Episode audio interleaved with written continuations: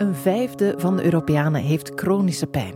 En toch krijg je niet een vijfde van de tijd als antwoord op hoe is het, een antwoord als veel pijn vandaag of oké van pijn. Want we praten niet graag over pijn. We kunnen het ook niet altijd goed, maar vandaag brengen we daar alvast verandering in. Dankzij Sanne Bloeming. Zij schreef het ongelooflijke boek Pijn over uh, chronische pijn, haarpijn en pijn in het algemeen. En daarover gaat het dan ook in deze voorproevers met mij, Annelies Moots. Welkom.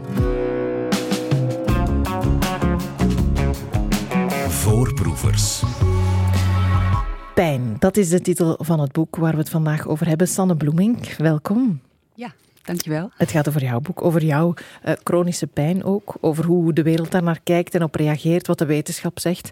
Het is ook een aanklacht, maar het is volgens mij ook wel het boek dat je nooit uh, had willen schrijven. Mag ik dat zo zeggen? Ja, dat klopt wel, ja. ja. ja. Uh, laat ons misschien bij het begin van de, de, pijn ook beginnen, want daar begint ook dit boek. Hoe begon het uh, met jouw pijn? Um, ja, ik uh, woonde op dat moment in New York en ik deed daar een hele fanatieke kickboxles. Mm -hmm. um, en daar heb ik op een gegeven moment ben ik nogal tekeer gegaan. Um, ik was net bevallen van mijn derde kind en ik wilde heel graag goed in shape komen. En toen ben ik geblesseerd geraakt tijdens die les. En ja, dan denk je in eerste instantie: oké, okay, nou ja, ik heb een blessure opgelopen, dus dat gaat wel weer over. Uh, maar dat is dus eigenlijk nooit meer overgegaan. Het is nu 13 jaar geleden. Mm. Vanaf wanneer spreek je dan over chronische pijn? Ja, dat is dus eigenlijk een heel ingewikkeld. Dat is ook in de wetenschap iets heel. Uh, eigenlijk ook wel iets heel boeiends uh, wanneer dat overgaat in chronische pijn. Want acute pijn is eigenlijk gewoon uh, iets, iets heel zinvols voor het lichaam. Maar op een gegeven moment is het dus zo dat eigenlijk dat signaal niet meer, uh, geen nut eigenlijk meer heeft voor je, voor je lijf. Mm. Ja, um, dus wanneer dat precies is, dat is heel moeilijk om, uh, om te, de vinger op te leggen. Mhm. Mm -hmm. Maar bij mij was het in ieder geval zo dat ik op een gegeven moment na twee operaties toen werd er gezegd, ja, we kunnen eigenlijk. Uh, ja, we, we, kunnen u eigenlijk niet meer beter maken. Mm. Uh, want het zenuwstelsel is uh, ziek. En ja, toen was eigenlijk een beetje de boodschap: ja, dit is dus iets waar, waar u maar mee moet leren leven. Ja, ja want je zegt initieel. Um, is het acute pijn? Is het pijn van Ja. nu? En, en heeft het ook een soort nut? Want ja, pijn is er natuurlijk niet zomaar. Nee, pijn is een heel belangrijk signaal en een heel belangrijk symptoom. En in principe is het natuurlijk gewoon uh, voor onze overleving ook uh, uh, cruciaal dat we op tijd een signaal krijgen dat er iets mis is met ons lichaam en dat we iets moeten ondernemen. Als je je hand in een bak met kokend water zet, dan komt er onmiddellijk een signaal van hou ermee op, Mhm. haal je hand eruit. Dus um, ja, dat, dat is heel nuttig. Alleen op een gegeven moment kan het zo zijn dat er eigenlijk een soort signaal blijft doorgaan. Als een soort uh, ja, te scherp afgesteld alarmsysteem. Uh, je, je, kan je voorstellen, zo'n, uh, als je soms langs een auto loopt, dat het alarm al heel snel afgaat. Terwijl je eigenlijk er heel langs, heel eigenlijk zachtjes langs scheert. Mm -hmm. um, ja, zo, zo moet je dat dan eigenlijk zien. Dat het dus veel te snel uh, afgaat. Terwijl er eigenlijk niks aan de hand is. Er is geen inbreker en er is geen schade. -hmm. Ja, want de, als, we, um, als we het op die manier bekijken, dan is het anders dan als we zeggen: chronische pijn is eigenlijk een lange vorm van acute pijn. Want dat is het initiële gevoel erbij. Hè? Dat het nog altijd Ja. iets is. Je wil die pijn nog altijd weg. Dus ga je op zoek naar een verklaring in je lichaam.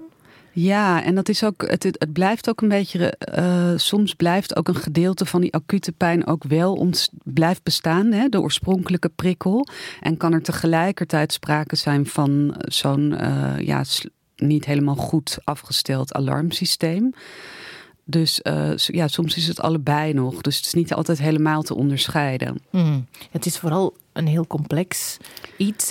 Ja, absoluut. Daarom was het ook een enorm moeilijk boek om te schrijven sowieso, omdat ik het natuurlijk inderdaad uh, liever niet wilde schrijven. Um, ook omdat ik het uh, een beetje eng vond. Uh, voor mezelf ook, om daarmee naar buiten te komen. Maar ook omdat het echt een heel complexe materie is. Dus eigenlijk, ik heb uiteindelijk het zo gezien van ik ben eigenlijk uh, gaan kijken naar het onderwerp als een soort drone.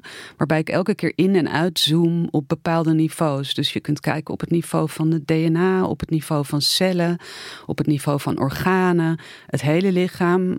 Maar ook je relaties met de buitenwereld. Uiteindelijk zelfs de lucht die je inademt heeft ook effect weer op je gezondheid. Dus alles. Uh, kun je, je kunt continu in en uitzoomen. En het heeft allemaal te maken met uiteindelijk die ervaring van chronische pijn die dan in een individu plaatsvindt. Ja, je zegt um, dat het, het was het boek dat je het niet wilde schrijven en dat je het ook uh, eng vond uh, om te schrijven. Wa waarom vond je het eng? Nou ja, er, er rust toch wel een, nog een taboe op, op pijn en op het praten over pijn. Je, het, is, het is ook direct van belang eh, voor je, voor je carrière, voor je, voor je baan. Uh, als je als je zegt dat je eigenlijk heel vaak pijn hebt, dan word je toch, ja, dan ben je eigenlijk kwetsbaar en een soort krakkemikkig. Of kun, ik ben freelance journalist, hè, kunnen we die dan nog wel inhuren? Want mm je wil vooral heel fris en fruitig overkomen en, en enthousiast en positief en uh, alles, alles aanpakken en kunnen. Uh, zeker in een competitieve wereld is, is dat best lastig om, om daar eerlijk voor uit te komen. Mhm. Dus daar heb ik ook echt heel lang over getwijfeld of ik dat wel echt zo wilde doen. Uiteindelijk uh, was het zo dat, het, dat de pijn me gewoon tegen de muur zette. In de zin van dat ik gewoon niet anders kon eigenlijk dan, dan hierover schrijven. Omdat het zo uh, belangrijk onderdeel werd van mijn leven. En ook omdat ik gezien heb wel dat er echt heel, heel veel andere mensen hier ook mee zitten en daar ook allemaal niet over durven praten. Ik heb, ik heb bijvoorbeeld op een gegeven moment ook een artikel geschreven en daar allerlei mensen voor geïnterviewd. En niemand wilde uh, met naam en toenaam in dat artikel worden genoemd. Het waren allemaal mensen die uh, wel nog een, ja, een baan hadden en, en geen risico wilden lopen bij hun werkgever. Ja. ja, want heel veel mensen, ik zei daarnet al, één op vijf ja. volwassenen, ja. dat is ongelooflijk veel. Hè? Het is meer dan kanker en diabetes, lees ik ja, in jouw boek. Ja, het is ook wereldwijd. Want er wordt wel eens gedacht van ja, dat is een beetje eh, de, de rijke mensenziekte. Hè? De, uh, in, in Afrika zal dat vast allemaal niet zo zijn. En het is vooral doordat we zoveel zitten en uh, niet, niet gezond genoeg zijn. Maar dit zijn echt wereldwijde cijfers. Hm. Ja, dus één op vijf mensen van de, ja. van de hele wereld. Ja. Nu is het, het idee dat pijn iets om iets is om weg te nemen, hè, dat onze basisstaat pijnloos is, dat is wel een relatief nieuw gegeven. Ja, ja. ja, ik ben daar ook naar op zoek gegaan in de geschiedenis van goh, uh, kijk, neem bijvoorbeeld de middeleeuwen en heb ik ook gekeken naar teksten en hoe mensen toen omgingen met pijn. Uh, dat was toen natuurlijk een heel uh, veel, veel normaler onderdeel van het leven. En misschien was het wel eigenlijk het grootste deel van het leven bestond uit pijn. Dat het bijna een uitzondering is als je geen pijn hebt. Uh, bovendien speelde religie een hele belangrijke rol. En je ziet ja, in het christendom, ook wel in andere religies, dat pijn ook een manier kan zijn om dichter bij God te komen, om bepaalde spirituele ervaring te krijgen. Je ziet dat ook bij inheemse volkeren, bepaalde riten die er dan zijn, die ook heel pijnlijk kunnen zijn. Um, dus daar zit ook een bepaalde link met uh, spiritualiteit. En um, dat is er in onze samenleving eigenlijk niet. Want pijn is eigenlijk bij ons kun je wel zeggen, grotendeels iets wat gewoon weg moet. Als je praat over pijn, ook in het dagelijks leven, dan praat je over uh, wat voor medicijnen je kunt gebruiken, wat voor soort therapieën er zijn en hoe je er zo snel mogelijk weer vanaf komt. En dat wil natuurlijk ook iedereen. Ja, ja, ja. Iemand zegt, uh, of in jouw boek citeer je iemand die zegt: Je hebt twee soorten mensen: mensen met chronische pijn en mensen die vragen of je al yoga geprobeerd hebt. ja. Ja, ja, het, het is, je, je wordt, dat, dat is een ervaring die alle mensen, denk ik, met chronische pijn wel kennen. Dat uh, je enorm veel adviezen over je heen krijgt. En die zijn ook allemaal heel goed bedoeld. Ik denk, ik denk dat het te maken heeft met het feit dat uh, eigenlijk pijn wekt een aversie op er is in eerste instantie het gevoel dat je er vanaf wil. En je wil ook de ander die jou dat vertelt. En dat heeft ook te maken met spiegelneuronen. Als je iemand anders. De een heeft daar wat meer last van dan de ander. Maar iedereen heeft het wel een beetje. Als je iemand ziet die pijn heeft, dan krijg je het zelf ook een beetje. Dus uh, dat, dat, dat, dat voelt niet fijn. Als iemand gaat vertellen: Ik ben bij de tandarts geweest. En oh, het was zo naar. En hij boorde op mijn kies. dan krijg je een beetje. Daar wil je er eigenlijk niet, uh, niet meer, meer over horen. En ehm, in het slechtste geval word je dan dus ook als patiënt eigenlijk terzijde geschoven. Van nou ja, het wordt gewoon niet geloofd. Dan uh, ga, ga weg met je pijn. We hebben er geen zin in. Um, en in het beste geval willen mensen je helpen. En dat zijn eigenlijk de meeste mensen, denk ik wel. Alleen dan komen ze dus met allemaal vormen van therapieën die je kunt gaan uh, doen. Ben je wel bij de osteopaat geweest? Of ik heb een uh, de vriend van mijn oom, van mijn, van mijn beste vriend, die heeft ook acupunctuur gedaan en is helemaal geholpen. En iedereen heeft wel wat. Mm -hmm. Um, en dat kan ook natuurlijk zo zijn dat je geholpen bent. Maar ik denk toch altijd wel van ja, als er echt één manier zou zijn, dan zou iedereen dat wel gewoon inmiddels gedaan hebben. En dan zou alle pijn wel opgelost zijn. En mijn eigen theorie daarover is eigenlijk dat een heleboel pijn ook vanzelf overgaat. Uh, meeste pijn gaat binnen drie maanden weer over. En heel vaak de mensen die dit soort verhalen vertellen, zijn heel vaak mensen die dus inderdaad kortere tijd met pijn te maken hebben gehad. En dan is het op een gegeven moment, je doet gewoon een heleboel dingen. En datgene wat je het laatste hebt gedaan, opeens gaat het over. Dat en dan, gewerkt. Dan was dat het. Ja. Ja, toen ik het boek las, ik moet zeggen, um, ik was zoals wij zeggen, uh, wat van mijn melk. Want ik besefte plots aan, ik heb eigenlijk ook wel al sinds mijn jeugd aanhoudende pijn, maar ik had die eigenlijk nog nooit zo ingedeeld als, als langdurige chronische pijn. Nee. Omdat ik altijd dacht, ah, maar die periode dat ik veel yoga deed, was dat beter. Of die periode dat ik naar de... Maar het komt ook altijd wel weer terug. En heel heftig. En ja. dat is wel gewoon een, een eng gegeven om dat op een bepaald moment ook wel te beseffen. Ja, je wil er het eigenlijk niet aan. En zolang, ik denk ook, ik wilde het ook niet aan. Want zolang je, zolang je kunt functioneren, wil je dat gewoon niet. Je, mm -hmm. je, je, je ontkent het eigenlijk. En je denkt ook, veel mensen hebben veel meer pijn. Ja, dat, dat dacht ik ook altijd. Ik ben ook in een revalidatiekliniek geweest. En het eerste wat ik daar dacht was van... oh, ik, hier, hier ben ik helemaal niet op mijn plek. Deze mensen hebben het allemaal veel erger dan ik. En uh, toen gingen we doorpraten. En toen zeiden ze, jeetje, wat jij hebt, dat is echt uh, vreselijk. En dat je zo'n pijn hebt met zitten, dat lijkt me afschuwelijk ja, zo, zo heeft ieder, uh, ieder. Dat denken heel veel mensen dat de ander het veel erger heeft. Mhm. Mm -hmm. En er zijn natuurlijk ook altijd. Er is altijd. Uh, er zijn zeker mensen die het erger hebben. Dat zie ik ook wel in. Maar je kunt leed ook niet met leed vergelijken. En op een gegeven moment, als je. Ja, je, je, je dealt ook gewoon met de dingen die je zelf hebt. Mm -hmm. En je wil. Uh wel tegelijk geen aansteller genoemd worden. Nee, dat is echt een heel belangrijk onderdeel. Dat je.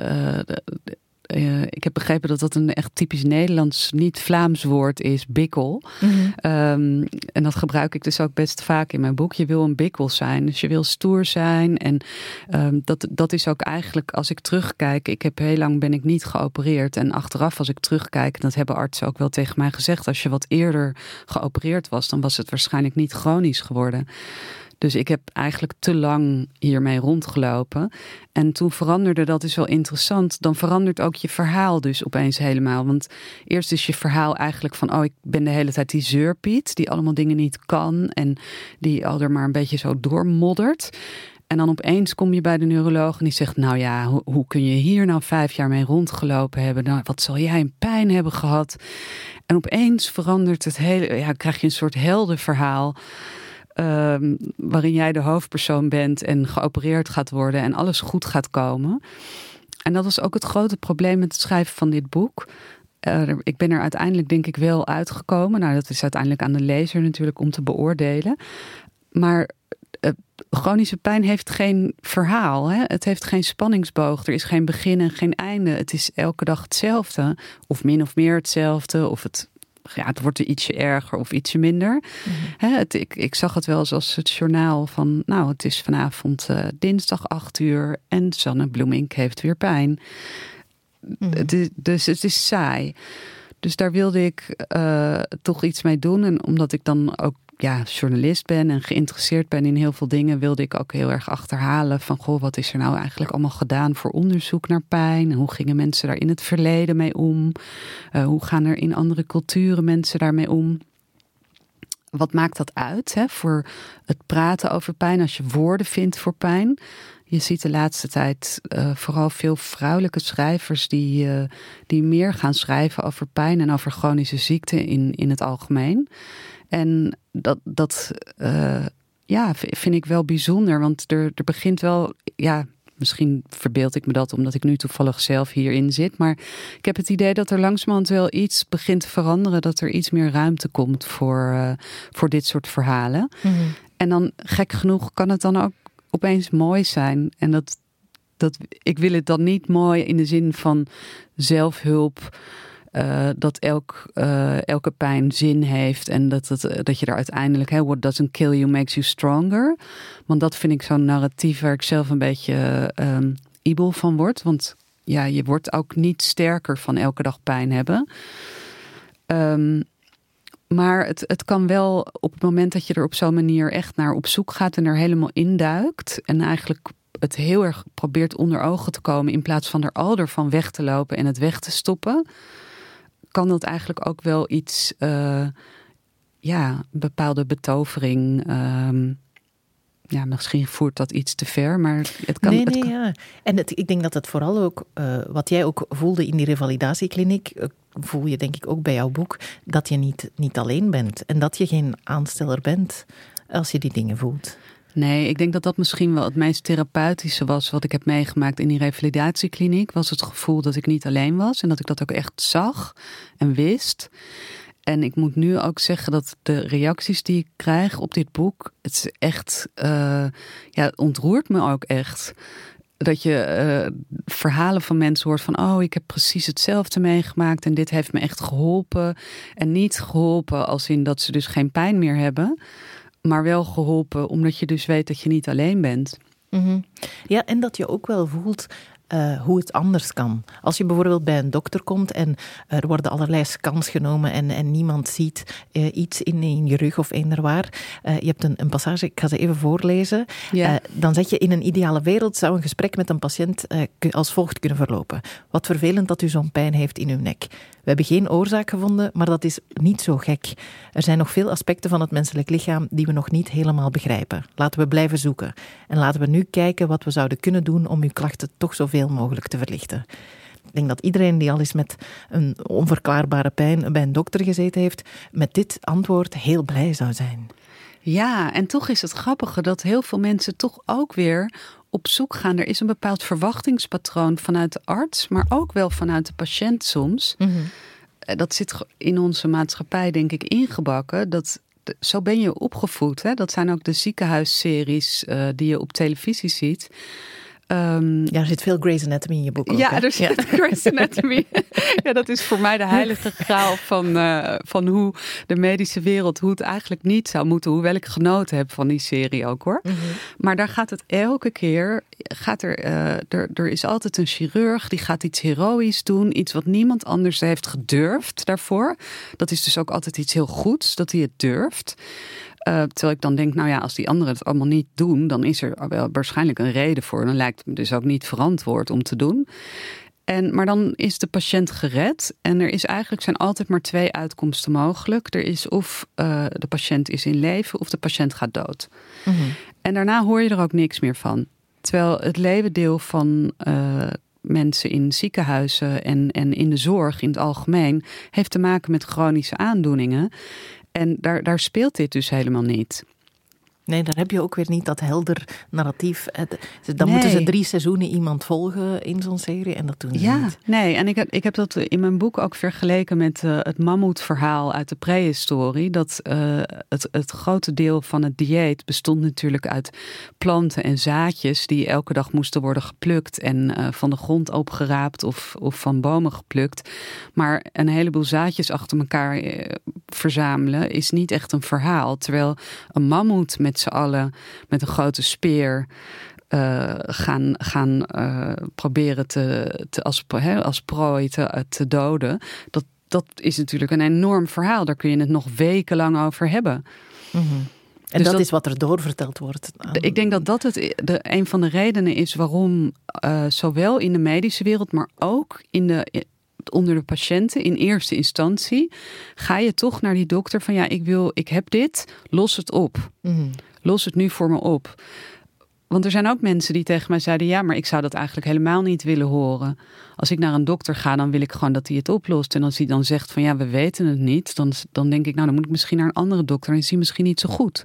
Ja, het, we verwachten van onze wereld ook dat er een probleem is en dan uh, ga je dat probleem aan en dan komt er een oplossing en dan is het beter. Dat, ja. We denken, of ik denk toch vaak dat de wereld zo in elkaar zit, hoewel elke dag ik heel veel bewijs zie dat dat niet zo is. Nee, we kunnen daar niet mee omgaan met die, met die kwetsbaarheid, met die, met, ook met de complexiteit, met het feit dat we een heleboel dingen niet weten.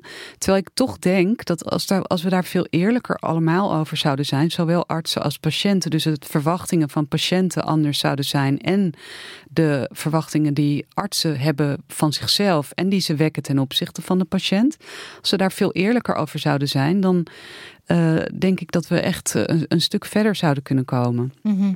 Ja, want het is ook zo, vaak als je uh, voor een diagnose hoopt, of een, op een diagnose hoopt bij een dokter, die fysieke die komt er niet, dan krijgt iedereen op een bepaald moment ook wel eens te horen, dan moet je aan de antidepressiva, of dan moet je alleszins naar de psychiatrie. Dan wordt het gezocht helemaal in de geest, dan zit het tussen je oren. Hè? Ja, dat is dan psychosomatisch en dan moet je naar de psycholoog of je moet iets anders doen. En dat wordt door de meeste mensen ervaren als een, een veroordeling eigenlijk. Hm.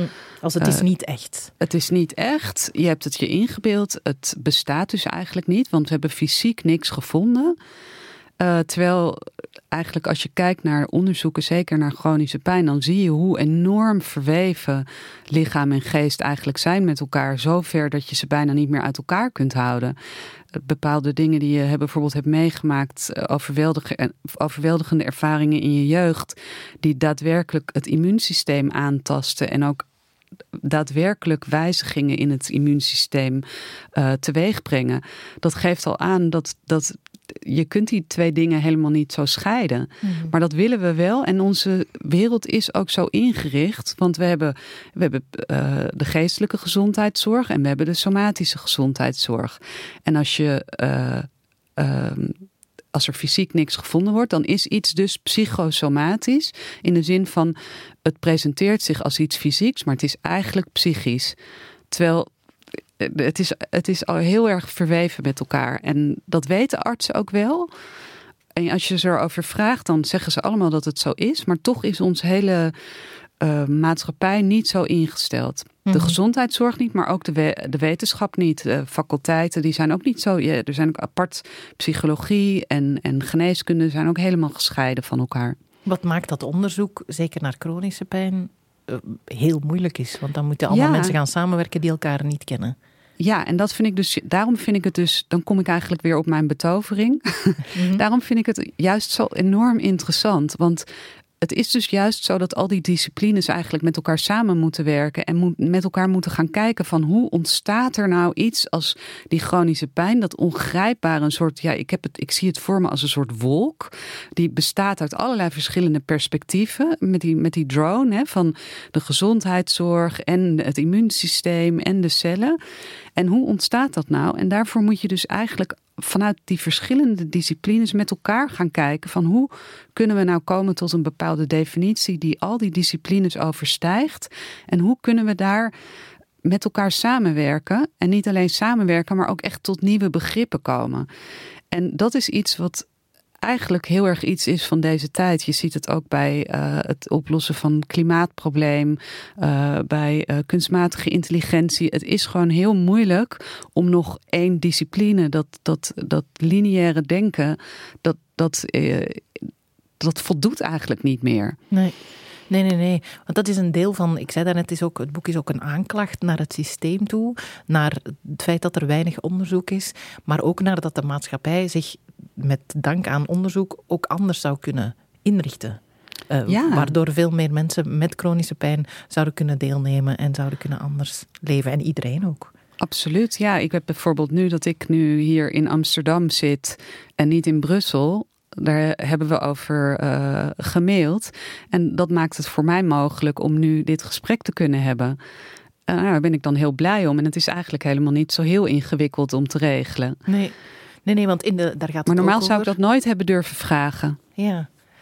Ja, en wij zouden het ook in eerste instantie denken: oh, een gesprek face-to-face is nog altijd fijner. Dat is ook zo. En ik vind het ook fijner. Ik had liever in Brussel gezeten nu. Mhm.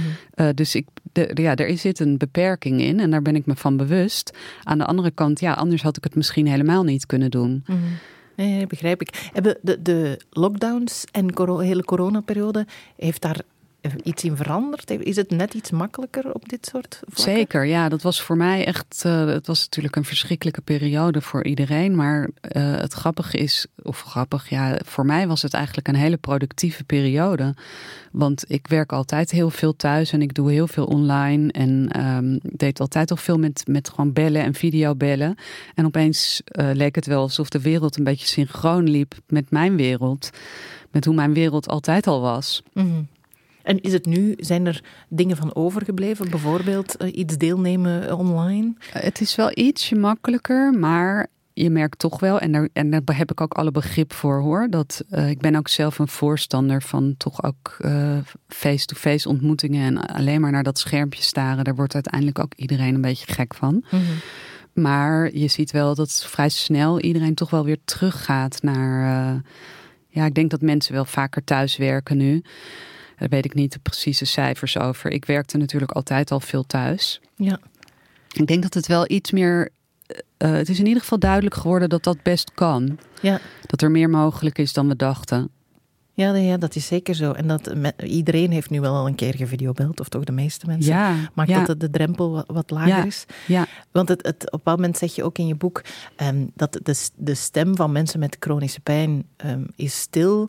Uh, ik denk dat je ergens zegt, je kan geen baksteen door een raam gooien als je met pijn in je bed ligt. Ja, ja. Uh, maar dit is ook wel uh, een baksteen, denk ik dan, dit boek, toch? Dat hoop ik. Ja, ja dat hoop ik. Ja, dat, dat kan je wel doen. Maar dat klopt wel. Je, het is heel moeilijk om te protesteren. Terwijl ik denk dat er echt een grote groep is die, um, die zich enorm aan de kant gezet voelt. Um, ik, ik, heb, ik zit ook in van die lotgenotengroepen. En daar zie je een aantal mensen die het ook wel echt objectief ook echt erger hebben dan ik. En uh, soms zelfs ook niet meer willen leven. En dan is het ook echt zo dat ze het heel erg vinden dat ze pijn hebben. Maar het allerergst vinden ze dat ze niet geloofd worden. En dat ze aan de kant gezet worden. Dat ze het gevoel hebben dat ze niet meer mee kunnen doen. Mm -hmm. En dat vind ik heel schrijnend. Dus daarom dacht ik ook van met dit boek. Dat heeft mij ook wel over de drempel geholpen dat ik dacht, ja, dat moet er toch wel echt komen. Ik ga het toch schrijven. Ja, uh, bedankt daarvoor. Uh, al, alleszins, want het is, het is een boek. Uh, mensen die zelf chronische pijn hebben, zullen zich er heel erg in herkennen. Maar je, eindelijk krijg je ook een, kom je ook een stap dichter bij mensen met chronische pijn. Net omdat we blijven daar zo weinig over praten. Hè. Je zegt ook wel ergens in je boek, de, de vraag, hoe is het nu met de pijn? Dat is een vraag die jou ergert. Maar evengoed, als mensen ze niet stellen, ergert je het je ook, hè? Dat mag ja, ik zo het is, zeggen. Nou ja, het is lastig. Je wil niet dat mensen het helemaal nooit vragen of dat ze, je helemaal, dat ze het helemaal negeren. Um, aan de andere kant weet je gewoon niet zo goed wat je erop moet antwoorden, omdat het vaak hetzelfde is. Maar je kan wel, er zijn wel tips van. Je kan bijvoorbeeld aan iemand vragen: hoe is het vandaag met de pijn? Mm -hmm. uh, dan, dat is alweer ietsje anders. Mensen verwachten vaak als ze dan vragen: heb je nog steeds zo'n pijn? Heb je nog steeds zo'n rugpijn? Is het nog steeds niet over? Dan... Eigenlijk vragen ze: is het nu gedaan? Ja, ze willen er gewoon vanaf. En mm. ja, het is ook begrijpelijk, want het is ook heel vervelend. Ik vind het ook vervelend. Mm. Uh, maar er zijn best uh, andere manieren waarop je daar dan toch even. En je hoeft er ook niet uren over te praten. kan best. Uh, kort even vragen van goh, hoe is het vandaag ermee? Mm -hmm. Ja, ja, ja. Dus dat is al een zeer praktische tip die ja. we bij deze meegeven. Uh, zo zijn ja. er nog in jouw boek. Uh, pijn. Ik wou het misschien nog heel even hebben, omdat ik het zo mooi uh, omschreven vond. De, de knikkermethode of de salami-methode die iedereen met chronische pijn ook tegenkomt. Kan je uitleggen wat dat precies ja, is? Ja, nou ik had dat zelf met knikkers, maar ik geloof dat een andere Amerikaanse mevrouw, dan ben ik even de naam kwijt, die, die noemde het lepels. Maar dat je dus eigenlijk weet dat je per dag, nou ja, voordat ik pijn had, had ik tien knikkers per dag aan energie en wat ik kon doen. En nu heb ik er ongeveer drie of vier per dag. En dat ik dus weet van nou, die kan ik dus maar zoveel keer uitgeven. Dus ik kan wel dingen doen, maar ik kan gewoon niet te veel doen. En soms geef ik te veel uit en dan leen ik van de volgende dag. Maar dan heb ik de volgende dag dus ook inderdaad helemaal niks. En dan mm. moet ik daar eigenlijk terugbetalen en dan ook eigenlijk met rente. Mm. Dus op die manier kan je het een beetje voor je zien dat je elke keer probeert dus een beetje te schipperen of uh, balans te vinden. Ja, wat het heel helder maakt, denk ik, voor mensen die het niet meemaken. Uh, Dank je wel voor, uh, voor alle praktische, maar ook alle filosofische en alle andere inzichten die je geeft in je boek Pijn, uh, Sanne Bloemink. En om hier voor ons in Amsterdam te zijn ook. Ja, nou, dank je wel dat ik hier mocht zijn. Met heel veel plezier. Meer voorproevers vindt iedereen ook altijd op VRT Max.